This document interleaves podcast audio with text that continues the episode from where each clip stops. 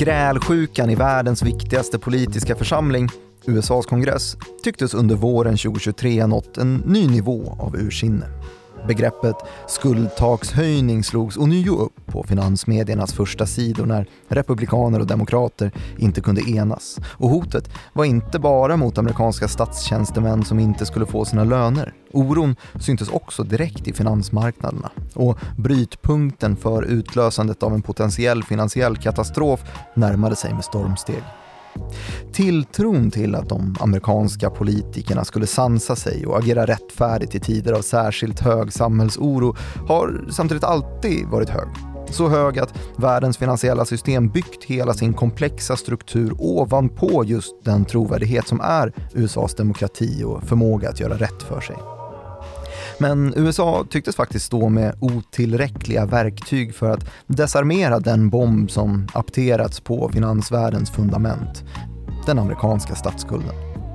Är det bara ännu ett skrämskott i Washington eller är någonting på väg att förändras nu som gör att vi måste ompröva hela vårt finansiella system? Finansministrar, centralbankschefer och kapitalmarknadens aktörer varslade i alla fall de amerikanska politikerna att sansa sig och inte utlösa en detonation som skulle få brutala konsekvenser genom att USA slutar betala räkningarna.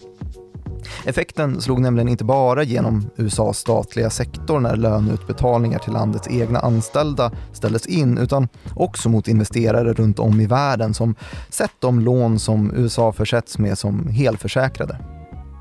Det här är Follow the Money, en podcast om makt, storfinans och börsen av och med Nyhetsbyrån Direkts utrikeschef Joakim Rönning och IGs marknadsanalytiker Martin Nilsson. Jag tänkte börja då. Va? Fråga dig, vad är det för dag idag? Sluta. Det är min födelsedag idag. Ja, det är det. Och eftersom att vi hade sånt stort buller och bång när jag fyllde år för några avsnitt sedan så tänkte jag att det ska inte vara sämre. Nej, är åtgärder. Ja, och jag har ju till och med kommit in här med en, ett kaffefilter fyllt med dadlar till dig. Ja, det, det var väldigt, väldigt rart. Ja. Jag, jag tycker inte om dadlar. Stora Nu russin. gör du det. Ja, nu gör Mm. jag väl det. Eh, Det här ska inte handla om varken dadlar eller födelsedagar. Inte bara i alla fall. Eh, Skuldtak. Mm. Eh, Ska vi börja med vad, vad är ens skuldtak? Det vore väl lämpligt. Skuldtaket är en gräns för hur stor skuld en stat får ha enligt ett politiskt beslut då. Mhm. Och i USA då, eftersom vi ska prata om det, vad det lider här, så handlar det om eh, kongressens båda kamrar då. Att de ska tillåta en viss skuldnivå. Mhm.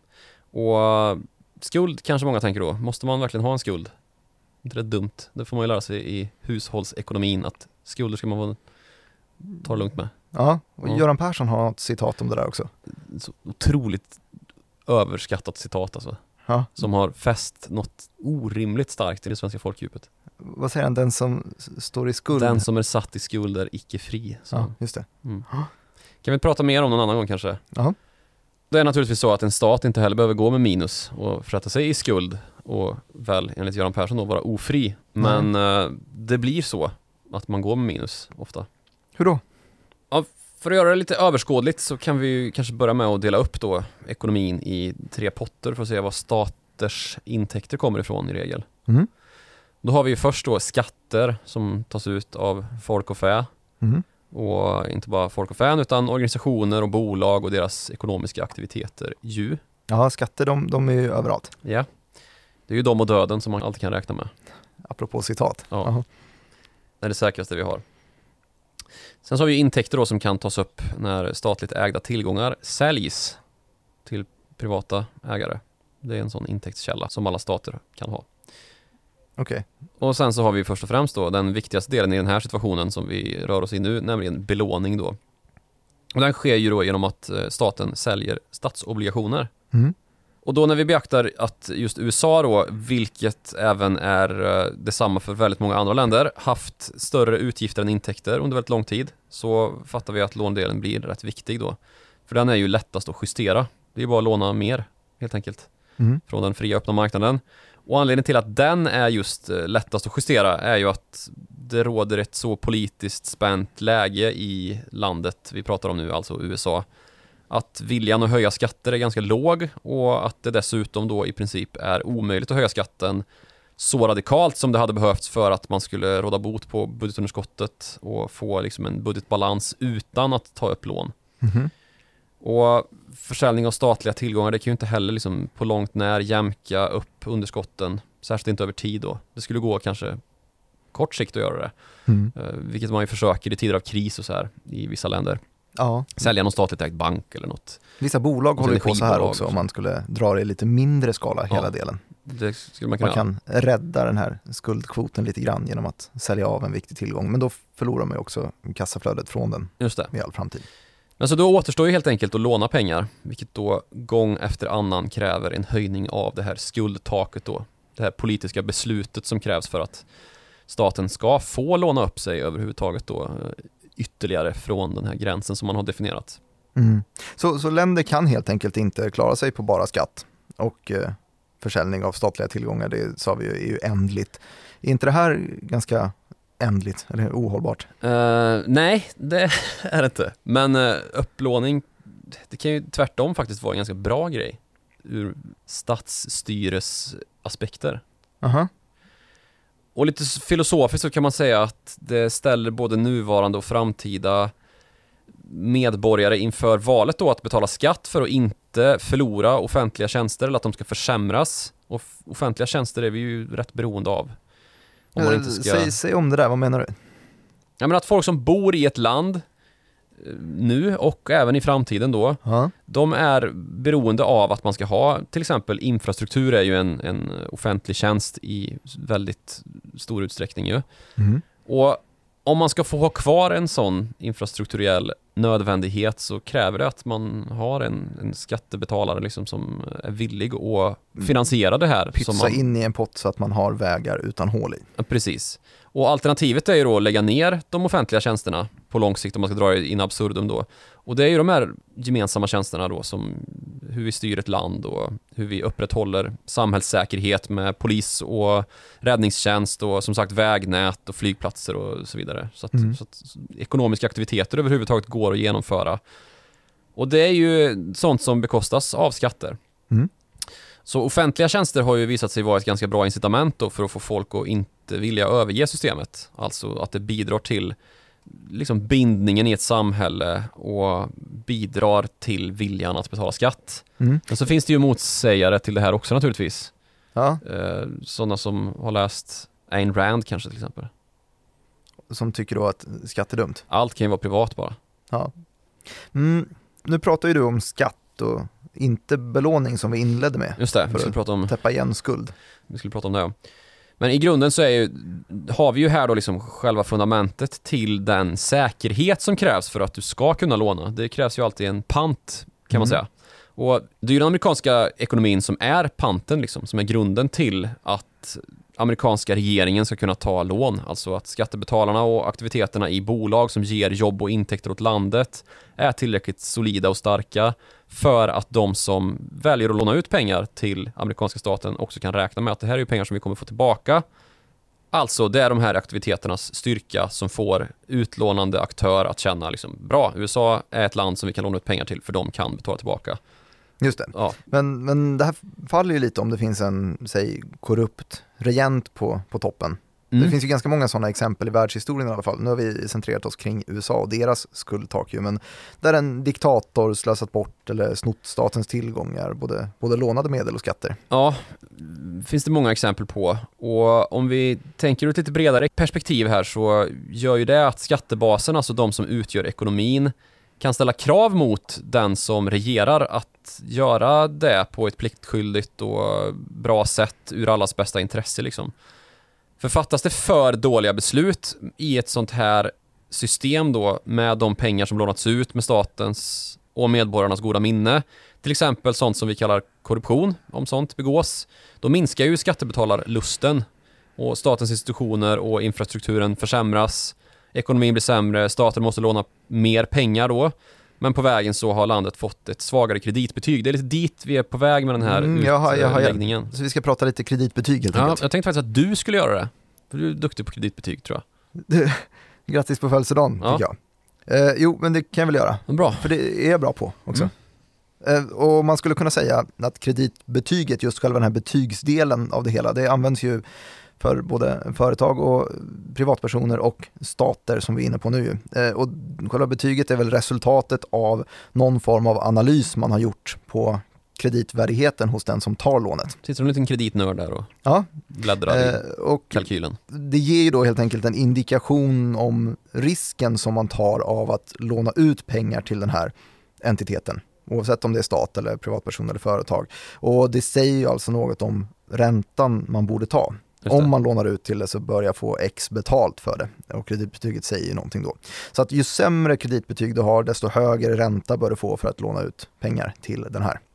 Och, och kreditbetyg det har funnits länge.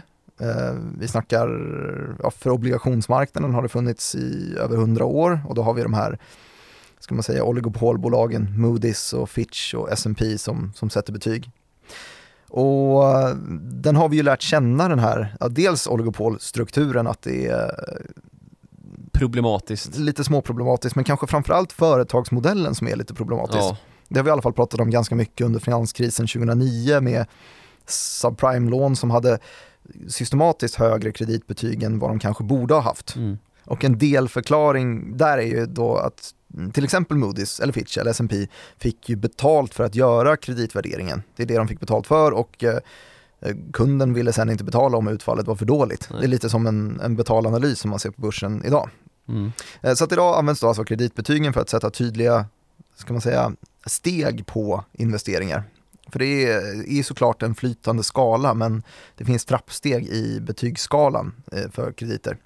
Till exempel så skulle man kunna nämna ett företag som har varit i den här härvan alldeles nyligen, Mm. fastighetsbolaget SBB. Mycket omtalat senaste veckorna ju. Ja, blev ju nedgraderad till vad man brukar kalla för skräpstatus, Mm. junk bonds.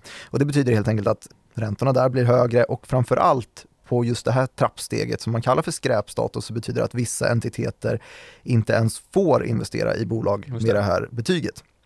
För det är lite så man navigerar kring obligationsmarknaden om man ska investera i den. Ehm, så är det lite som att vissa fonder inte får investera på First North eller Spotlight eller NGM utan man bara får investera på huvudlistan så är det så att vissa får bara låna ut pengar till de som har ett kreditbetyg över ett visst steg. Och för stater är det ju såklart då precis samma sak. Ja, precis. Var det en förklaring? Ja, det var jättebra. Ja. För man kan ju ge det här till hela länder, liksom man kan ge det till företag eller privatpersoner.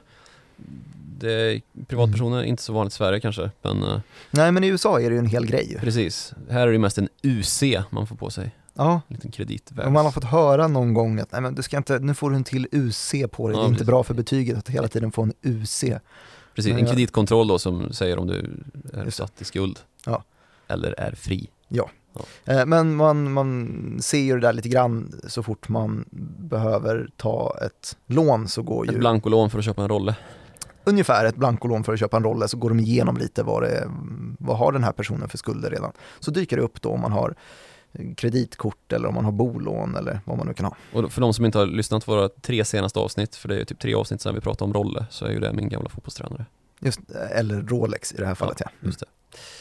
Så när man har då den här indikationen om eh, risken man tar av att låna ut pengar till den här entiteten som man bestämt sig för att låna ut pengar till, Mm. eller som man överväger att låna ut pengar till, så får man alltså lite mer information om vilken ränta man bör sätta då för att låna ut pengar. Mm. Och ju sämre kreditbetyg, desto högre ränta bör du få. Och lite också risken då såklart. Räntan speglar Ja. också sannolikheten att den här personen inte kan betala tillbaka. Exakt. Och om vi ska återknyta till eh, spåret hur stater styrs och hur ekonomin påverkar och i slutändan då hur statens upplåning påverkar, alltså möjlighet att låna in pengar om det skulle vara så att det tryter i de andra kanalerna av intäkter. Mm. Så riskerar ju en vanskött stat då att helt enkelt inte kunna låna pengar. Eh, Det är ingen som vill låna ut och då får vi antingen i regel hyperinflation av att landets centralbank, eftersom att det är ett korrupt land då, avslutar den här domedagsspiralen som vi brukar, det är kanske mycket att säga, men som kan eh, synas då med att eh, centralbanken börjar trycka pengar till förbannelse och liksom sätter kronan på verket av dålig ekonomisk politik. Men det, Det, kan ju... brukar ofta bli så ja, att när man är så Ja. pass nära konkursens rand så gör man det där lilla sista, kan hålla sig flytande några år till. Robert Mugabe-grejen liksom. Exakt, Ja. Som var diktator i Zimbabwe och gjorde så här. stämmer. Men sen så kan det ju också redan innan det går så långt och man har en väldigt stark diktator för det, det är ju ofta i sådana stater som det kan gå så långt att det blir hyperinflation på det här viset. För om det är en lite mer solid stat så blir det ju revolt innan Mm. det blir hyperinflation ganska ofta. Folk är trötta på Folk att tröttna, infrastrukturen ja. inte finns. Vi har ju ingen ekonomi att klara oss med här och det beror på vanskötsel.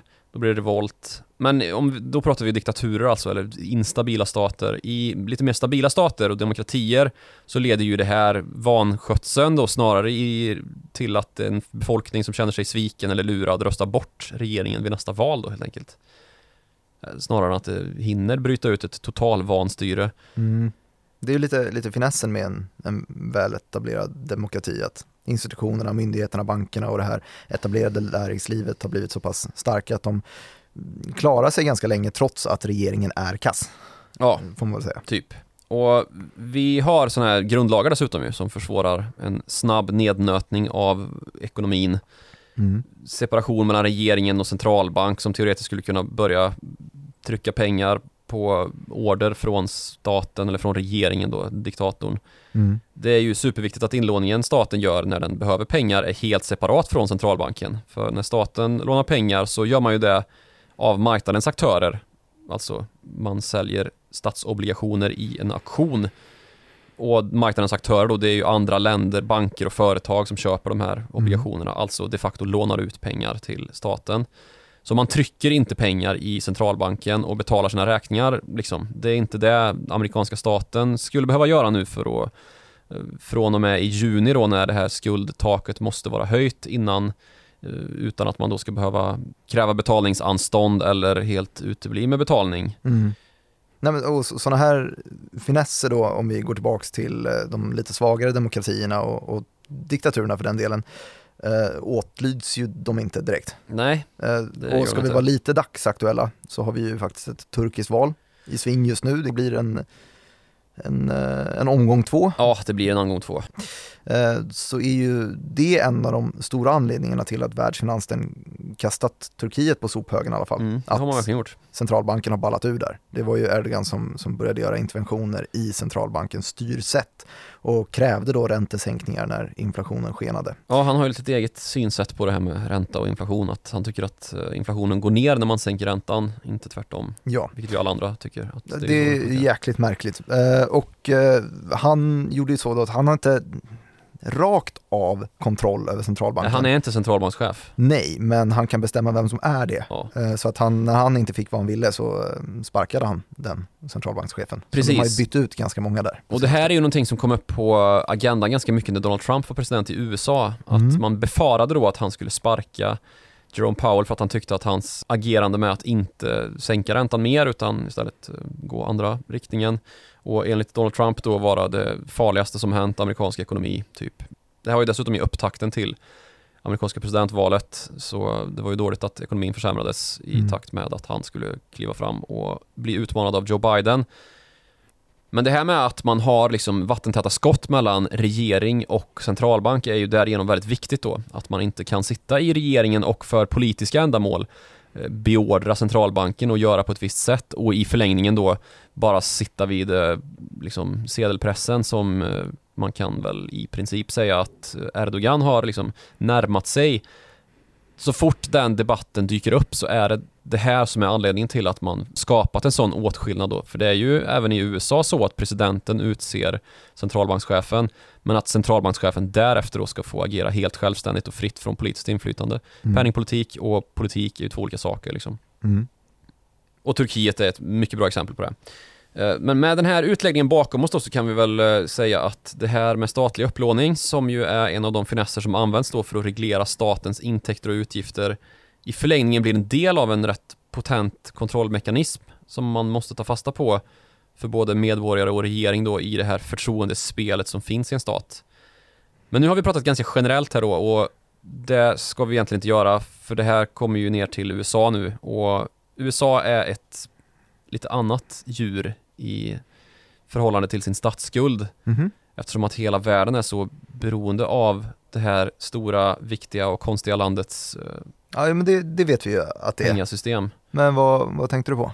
Jag tänker på att vad det avser USA så är ju upplåningen, alltså statens lånande från marknaden, viktigare än att det bara har en liksom kontrollmekanisk funktion för USAs eget politiska system. Mm. För USAs statsskuld är ju själva fundamentet i hela världens finansiella system.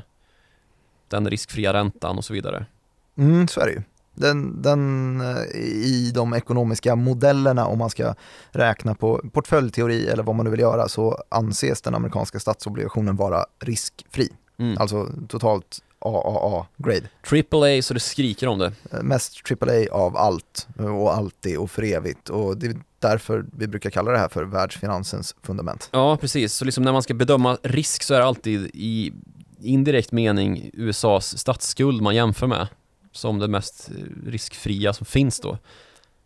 Och då ska vi vara snabba med att säga att det är inte AAA rakt över hela, hela linjen för det. S&P har ju faktiskt redan sänkt sitt kreditbetyg för USA. Ja, nej absolut. Alltså det är ju inte en, det är mest i tanken som den är Ja, väldigt AAA, precis. alltid för evigt eh, och riskfri. Men eh, när man gör den faktiska analysen så är, finns ju en helt annan skuldsättning där än om man jämför med ett lite mer solitt land som säg Sverige. Ja, det handlar ju lite också om hur man har möjlighet att sätta ut statsskuld också. Att USA har ju i princip en oändlig möjlighet. Det är ju amerikanska staten, brukar de amerikanska politikerna och centralbankscheferna trycka på liksom att uh, we're the damned United States ungefär. Att världens herrar har möjligheten att finansiera sig på ett helt annat sätt än alla andra länder egentligen.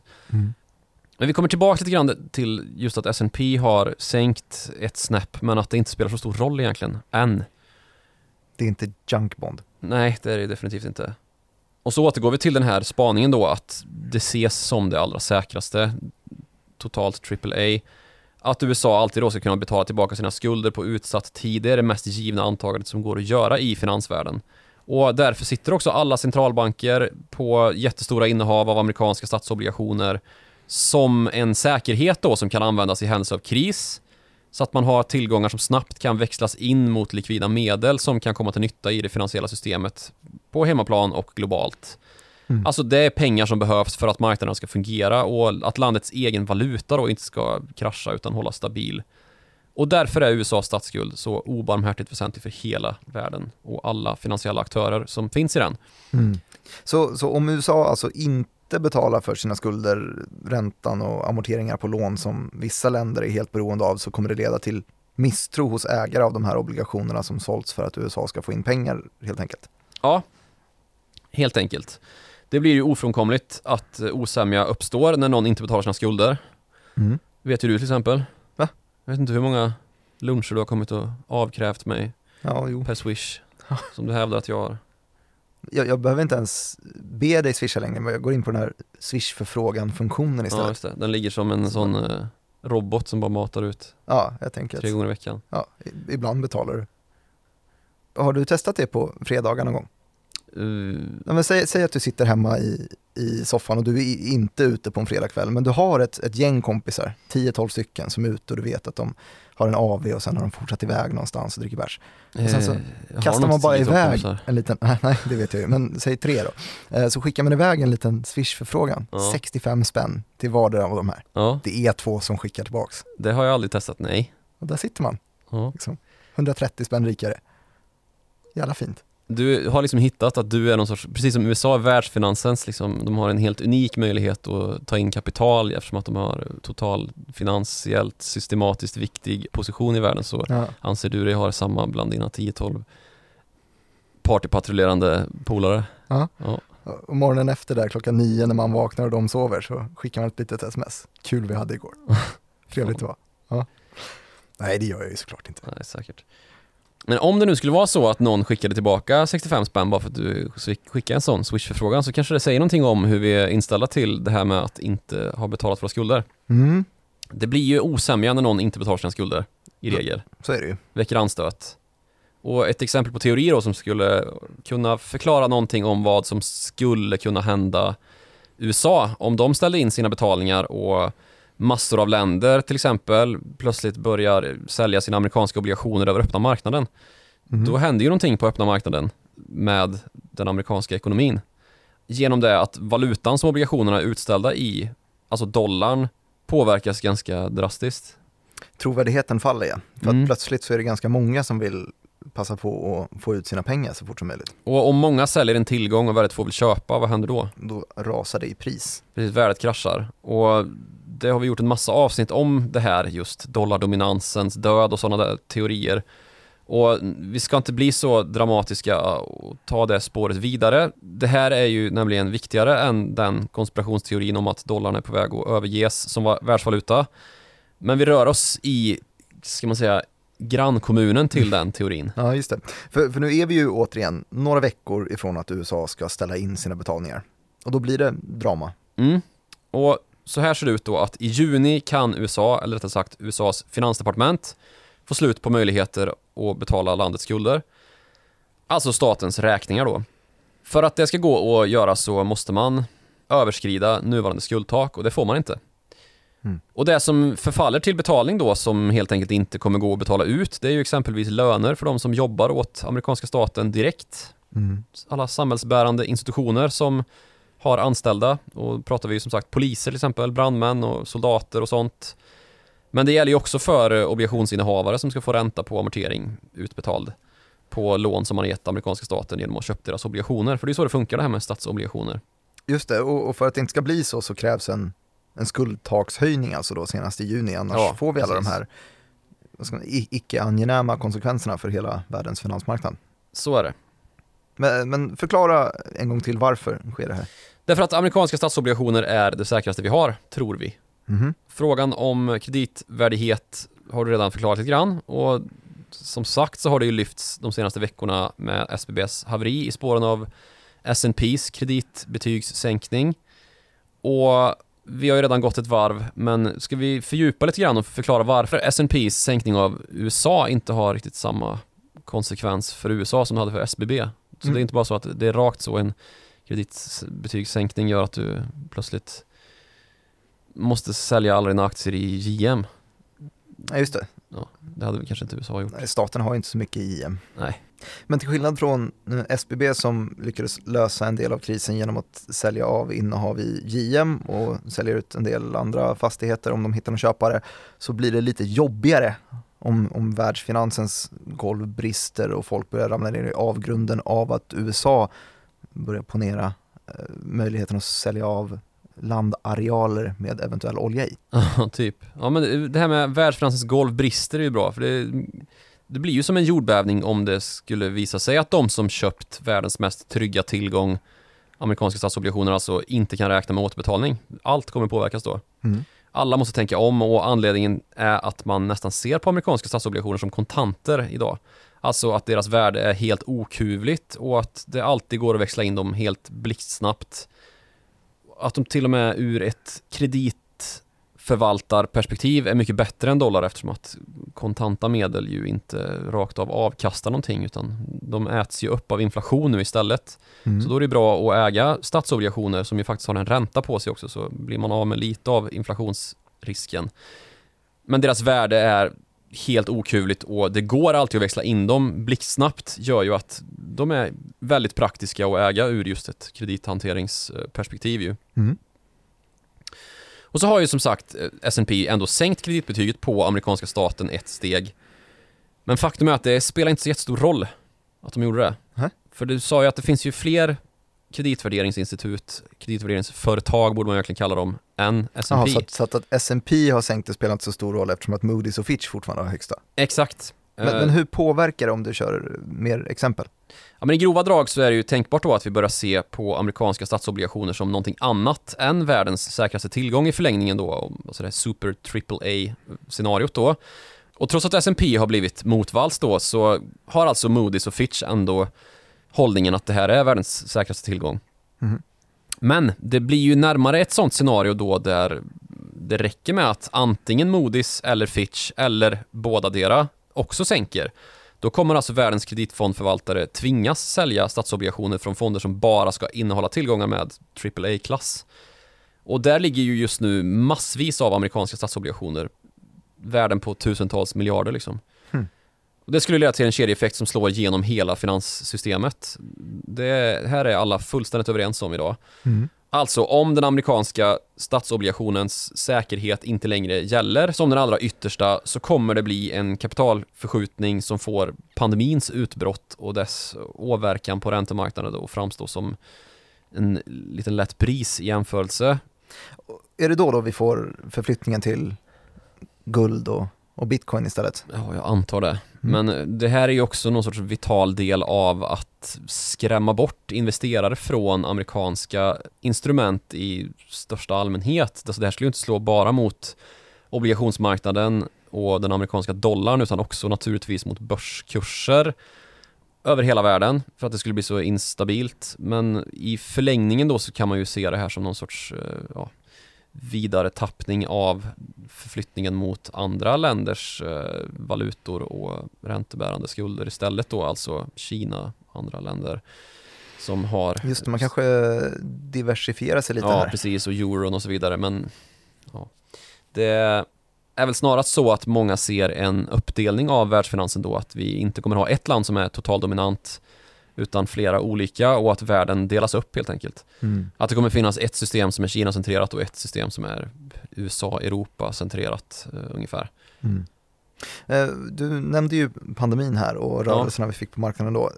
Vid det utbrottet så var det ju ändå många ärrade räntehandlare som hackade tänder ja, när marknaden frös till is och, och torkade upp och det fanns inga Inga köpare av obligationer, det var bara säljare på marknaden. Ja, precis. En massa företag som när pandemin kom och alla fattade typ att shit, det är en pandemi det här. Den kommer spridas globalt. Det kommer bli totalt kaos i väldigt många ledder nu när det sprids smitta överallt hela tiden och ingen vet hur länge.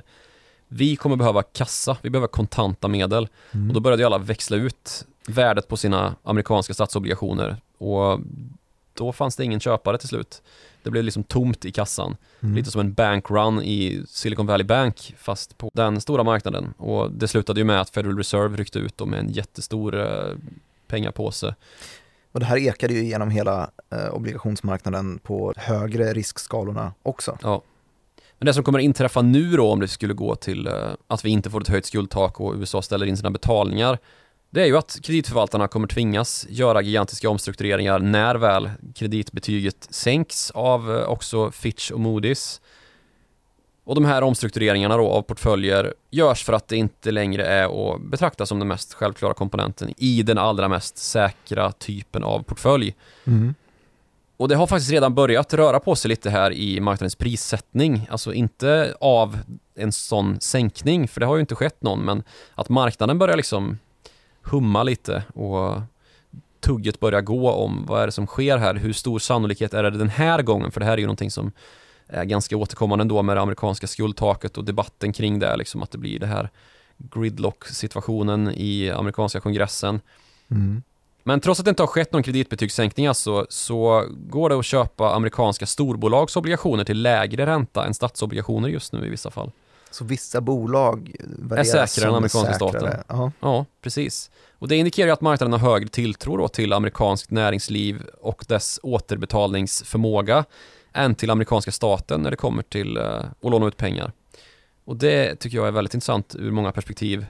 Du nämnde bitcoin tidigare och den crowden gör ju naturligtvis uh, en stor sak av det här att amerikanska staten är på väg att gå åt fanders ungefär. Mm. Det kanske vi kan prata mer om i framtiden. Ja, men för nu så stannar vi i nutiden. Ja, kan vi göra. Ja, vad är det då som, som krävs för att det här inte ska hända? Alltså just att USA defaultar på sina skulder, som, som det ju heter. Som det heter. Ja, men det krävs ju att presidenten, Joe Biden alltså, sätter sig ner med kongressens ledare och får ordning på partipiskorna, som det heter. Han ska synka dem. Ja, alltså att han samlar då senatens och representanthusets talmän och minoritetsledare och får dem att komma överens för mm. det är mhm. ju de fem som ska komma överens om det ska bli några beslut gjorda. Särskilt när det är en delad kongress. Där då representanthuset rattas av eh, republikansk majoritet och senaten, alltså överhuset, rattas av demokratisk majoritet. Mm. För de eh, som sitter i opposition just nu, de passar ju på att använda det här ja, eh, tillfället då. För de måste klubba igenom för att vi ska kunna höja skuldtaket, men då sitter de och använder det här som ett en hävstång ja. i sina förhandlingar. Precis. Och så låter de det gå så långt det bara går. Det finns en massa partipolitiska hinder i vägen just nu också då, efter de här stora gröna satsningarna som eh, Joe Biden har eh, gått till val på och fört igenom då Inflation Reduction Act. Ja, bland annat. Massa gröna och sociala satsningar som ju har gjorts. Och det är ju då åtgärder som bidragit till att skuldtaket nu måste höjas. Mm. Därmed inte sagt att de är helt avgörande för det. Alltså, de hade behövt höja skuldtaket även om Donald Trump hade varit president, typ nu. Och Republikanerna vill då att de här åtgärderna som inte är i linje med deras republikanska konservativa politik ska tas bort så att skatter kan sänkas för höginkomsttagare igen och att överstatligheten kan minska. Sådana här liksom hjärtefrågor ja, de för hade, hade också velat spendera eh, lika många kronor men på andra saker. Ja, så är det ju förmodligen. Men vad händer då om det, om det här inte sker i tid? Att man inte kommer överens? Ja, då finns det ju ändå en ganska klar sannolikhet för att marknaden då kommer kräkas så mycket på amerikanska statsobligationer att politikerna blir skakiga i knäna, precis som ränteförvaltarna blev runt pandemin där när marknaden frös i is. Mm. Och så kommer man liksom tvingas skrida till verket med marknadskrafternas hjälp då. Um, och som sagt, konsekvenserna av att inte höja skuldtaket, det blir ju hutlöst alltså. På, Minst sagt icke önskvärt för USA. Ja, men genom att räntorna på befintliga obligationer kommer gå upp. Mm. Och det är vad jag menar med att marknaderna kräks på amerikanska statsobligationer då. Det blir dyrare för amerikanska staten att låna pengar på lång sikt och det är onödigt och inget man har råd med. Särskilt inte i det här läget. Där det är prat om liksom en strukturell omstöpning i världen med Kina som stor global drake som tonar upp sig som ett rejält hot mot USAs världsherravälde. Inte bara politiskt heller utan militärt och makroekonomiskt i största allmänhet. Mm. Vilket vi nämnde nyss och pratat om. Nu har du det här, det här tonfallet som som du har när du konspirationsteoretiserar. Du sa att du inte skulle göra det. Nej, men jag gör ju inte det heller. Nej. Jag tänkte komma just hit att liksom börja runda av med och förklara att hela den här diskussionen, enligt mig, som aldrig tycker något, Aha. den har ju hittills aldrig visat sig vara annat än överilad liksom. Nej, så är det. Och det händer med jämna mellanrum att det tvistas om skuldtaket, särskilt när vi har en delad kongress eh, med det ena partiet som styrande i senaten och det andra i representanthuset. Då blir det liksom den här armbrytningen som vi har just nu. Mm. Och så sätter sig presidenten med den eh, kammares talman som han inte själv har kontroll över. Alltså i Joe Bidens fall så är det Kevin McCarthy, republikanernas talman i representanthuset. Mm. Och så försöker de komma fram till, okej, okay, vad kan ni jämka med, vad kan vi jämka med liksom? Och det är lite ditåt vi har börjat komma nu då, att politikerna tvingas sätta sig ner och komma fram till en lösning när marknaden börjar reagera. Och tiden går liksom. Det börjar ju närma sig juni, minst sagt. Mm. Och så kommer det en lösning, oftast i elfte timmen. Och sen utöver det, om det skulle skita sig då, så finns det också nödlösningar som eh, att presidenten kör över kamrarna med det så kallade 14 tillägget. Men det, det är inte något man gör i första taget. Det vore ju enkelt att redan ha gjort det då i så fall. Eller ja, slippa hela den här oron som det sprider ut i världen och debatt om USA liksom är beslutsfört överhuvudtaget eller vad de håller på med och hur fan kan de vara så här benägna och flörta med den här finansvärldskatastrofen mm. så pass ofta som de ändå är. Men anledningen till att presidenten inte då tar till det 14 tillägget och kör över kongressen är att det skulle ju vara riskabelt för demokratin istället då liksom genom att underkänna politikerna som sitter i kongressen.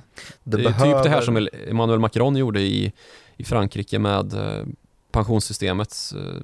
Just det, och det var ut och släcka bränder ja, fysiskt efter det. Precis, det blir ju stökigt. Mm.